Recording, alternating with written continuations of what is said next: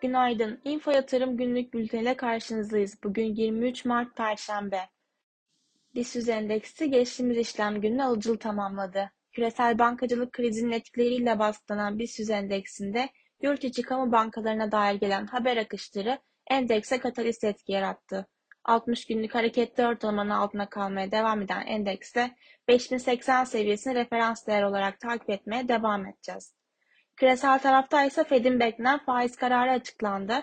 Fed 25 bas puan faizini arttırırken artışlarında devam edeceği sinyallerini verdi. Karar metnine göre daha şahin mesajlar veren Fed Başkanı Powell, yıl sonunda faiz indiriminin gündemde olmadığını belirtti. Öte yandan ABD bankalarının sağlam olduğuna da vurgu yapıldı. Türkiye Cumhuriyet Merkez Bankası bugün faiz kararını açıklayacak.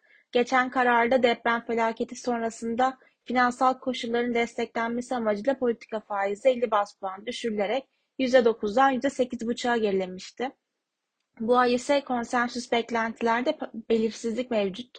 Son sanayi üretim verisinin iyi gelmesiyle sabit kalma ihtimali bulunurken ileriye dönük projeksiyonlarda deprem etkisinin azalması ve büyümeyi desteklemek adına 50 bas puanlık faiz indiriminde sürpriz olmayacağını düşünüyoruz. Ayrıca İngiltere Merkez Bankası tarafından da bugün faiz kararını takip edeceğiz.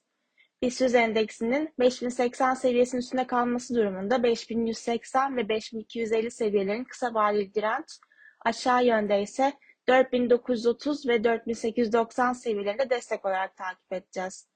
Borsa İstanbul'un güne yatay başlamasını bekliyoruz.